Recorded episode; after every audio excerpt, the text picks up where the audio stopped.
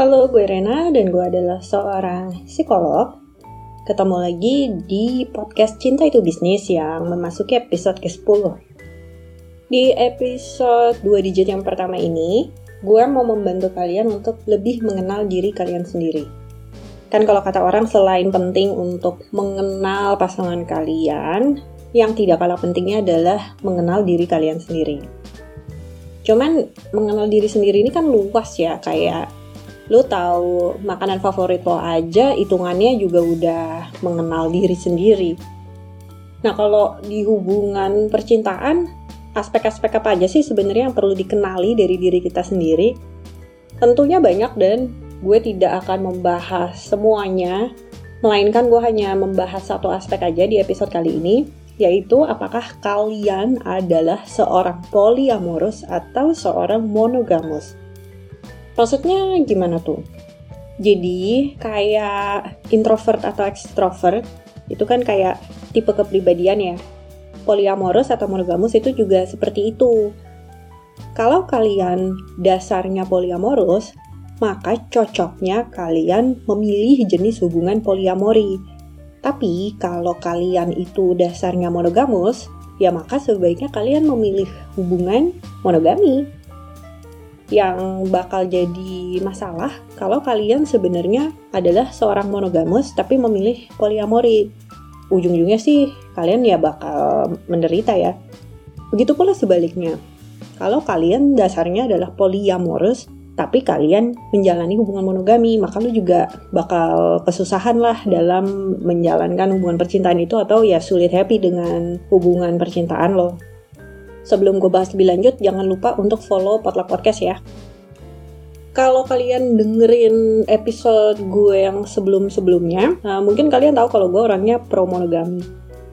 Sebenarnya gini sih, jadi sebagian besar orang tuh emang umumnya monogami, tapi kan bisa aja kalau kalian termasuk dari sebagian kecil orang yang punya kebutuhan khusus dalam hubungan percintaan. Kenapa gue bilang kebutuhan khusus? Jadi kalau menurut para evolutionary psychologist atau psikolog-psikolog yang mempelajari teori evolusioner, jadi apes yang ya dipercaya mungkin uh, bukan moyang ya, ya kayak spesies terus berevolusi menjadi manusia. Mereka itu diduga uh, monogami. Karena kan nggak bisa dibuktiin ya, jadi kayak para peneliti itu ya berkesimpulannya dari fosil dan lain-lain. Tapi apes itu diduganya uh, bermonogami, tapi kalau kayak gorila atau simpanse itu mereka enggak. Terus hubungannya apa dengan dengan manusia? Karena kan apes itu uh, hidupnya natural ya. Ya mereka nggak main Instagram, mereka nggak mereka nggak pengen terlihat baik di mata masyarakat ya mereka hidup secara natural dan hidup yang baik adalah hidup yang natural gitu sih katanya jadi makanya e, dari penemuan itu sebenarnya hidup yang natural itu adalah menjalani monogami dan itu adalah hidup yang paling membahagiakan untuk manusia dari aspek relationship. Tapi itu balik lagi itu pada umumnya. Tapi kan ada orang-orang yang punya e, kebutuhannya mungkin nggak sesuai dengan kebutuhan orang pada umumnya. Anyway, terus gimana nih untuk tahu apakah kalian adalah polyamorous dan monogamus? Karena ya saran gue sih lu jangan juga maksa poliamori karena lo anti mainstream kayak nggak penting banget lu pengen indie dalam hubungan percintaan tapi lu mengorbankan kebahagiaan lo.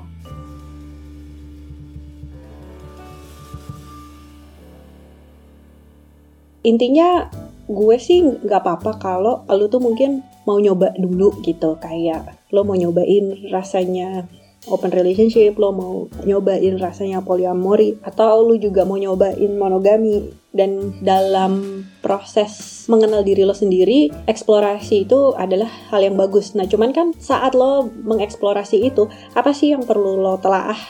Apa yang perlu lo pertimbangkan untuk kemudian memutuskan, oke okay, ini yang cocok untuk gue. Gue pernah baca sih di beberapa artikel dan juga gue dengerin beberapa podcast-podcast lainnya. Mereka itu membahas saat menjalani poliamori yang sang apa ya yang mungkin penting menurut mereka itu kayak mengelola kecemburuan. Karena kan pihak pacar lo akan punya banyak pacar gitu ya dan dalam prosesnya mungkin lo akan cemburu dan itu yang mungkin berat dalam menjalani open relationship. Oleh karena itu, manajemen kecemburuan menjadi sangat penting. Di situ sebenarnya lo salah sih. Karena kunci dari seseorang poliamorus itu bukan itu, bukan manajemen kecemburuan. Ini yang perlu lo pertimbangkan dan lo perlu jujur sama diri lo. Saat pacar lo atau saat orang yang lo taksir ini punya hubungan lain atau mungkin bahkan sampai berhubungan seksual dengan partner lain, reaksi otomatis lo itu apa? Karena reaksi otomatis lo ini yang paling jujur. Kalau reaksi otomatis lo cemburu, berarti lo orangnya tuh monogamus. Karena orang poliamorus, reaksi otomatisnya adalah happy. Kalau pacarnya happy kayak habis ML sama cewek atau cowok lain. Kuncinya poliamor itu seperti itu gitu. Lo happy saat pacar lo happy termasuk saat pacar lo berhubungan romantis dengan orang lain yang bukan lo jadi kalau lo punya masalah pacar lo selingkuh hati atau selingkuh badan ya itu bukan uh, maksudnya lo bukan poliamorus berarti karena emang kalau gue baca-baca juga ya jadi ada orang yang memilih poliamori itu karena pernah gagal dalam hubungan monogami sebelumnya. Cuman karena mungkin trauma terus tidak mau sakit hati lagi. Ya udah akhirnya dia mungkin membohongi diri dengan meyakinkan dirinya bahwa dia itu poliamoros dan ujung-ujungnya akhirnya jadi tambah menderita karena tiap kecengannya kayak ML sama cowok lain atau cewek lain ya mereka kayak sakit hati sendiri. Terus ada juga orang-orang yang sebenarnya monogamus tapi menjalankan poliamori karena mereka mau menghindari tanggung jawab. Tapi ya balik-balik lagi gitu, ujung-ujungnya kalau orang yang mereka cinta itu kayak deket sama partner lain, mereka tuh kayak ya cemburu, terus sakit hati, insecure.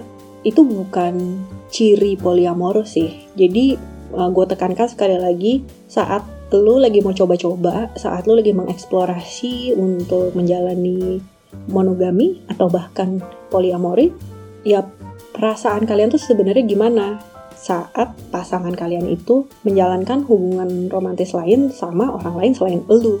Kalau lo happy, maka lo adalah poliamorus. Tapi kalau lo cemburu, maka lo adalah monogamus.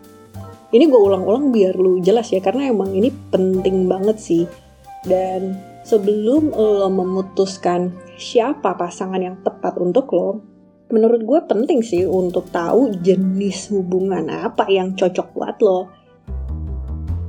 Kayak mencari jati diri apakah sebenarnya dalam uh, menghidupi diri lo, lo tuh cocoknya kerja kantoran atau buka usaha.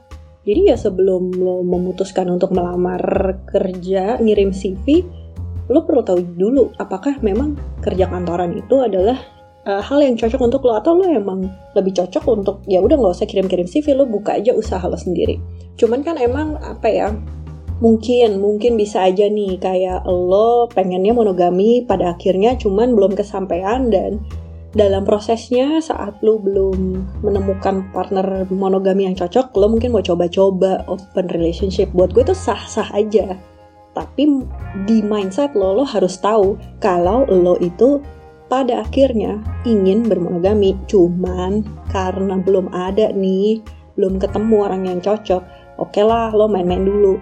Kayak gitu sih sah-sah aja, tapi lo jangan lupa jati diri lo. Yang ribet ya, seperti yang tadi yang gue bilang, lo sebenarnya monogamus, tapi lo ngiranya lo poliamoros, itu yang ribet. Dan sebaliknya, lo kira lo monogamus padahal sebenarnya lo poliamoros. Ya, kalau gue analogikan dengan mencari mata pencaharian tadi ya kayak ya mungkin lo cocoknya berwirausaha tapi mungkin modalnya belum ada lo kerja dulu nah itu kan eh, nggak uh, masalah kira-kira itu aja dari gue untuk episode kali ini kalau kalian masih ada pertanyaan atau punya komentar silahkan kalian bisa DM gue di @ibu.rt tapi gue lebih seneng kalau kalian komen di feed-feednya Cinta Itu Bisnis yang akan secara berkala di post di Instagramnya Potluck Podcast. Oleh karena itu kalian juga jangan lupa memfollow akun Instagramnya Potluck Podcast di @podluck podcast. Terima kasih buat kalian-kalian yang masih setia mendengarkan. Gue pamit dulu ya. Bye.